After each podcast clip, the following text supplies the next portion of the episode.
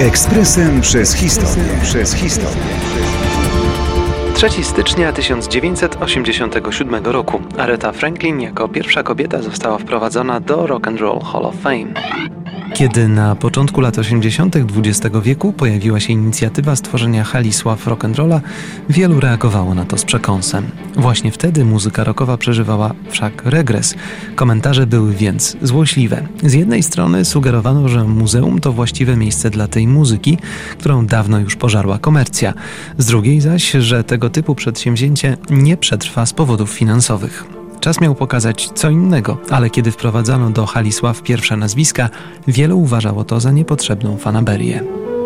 W 1986 roku nominowano klasyków gatunku jak Chuck Berry, Elvis Presley czy Little Richard.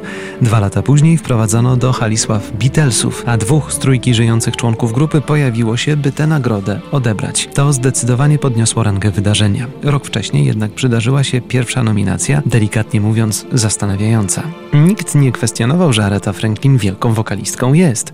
Dla wielu znawców muzyki nawet największą. Tego zdania był m.in. Freddie Mercury z grupy Queen. Queen. Franklin miała jednak, może z wyjątkiem ekspresji, niewiele wspólnego z rockiem.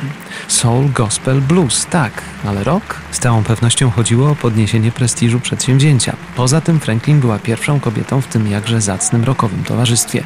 Choć nie pojawiła się podczas ceremonii, jej nagrodę odbierała dość ekscentryczna ekipa. Gitarzysta Rolling Stones, Keith Richards, Clive Davis oraz brat Arety Cecil Franklin. Ekspresem przez historię. Przez historię.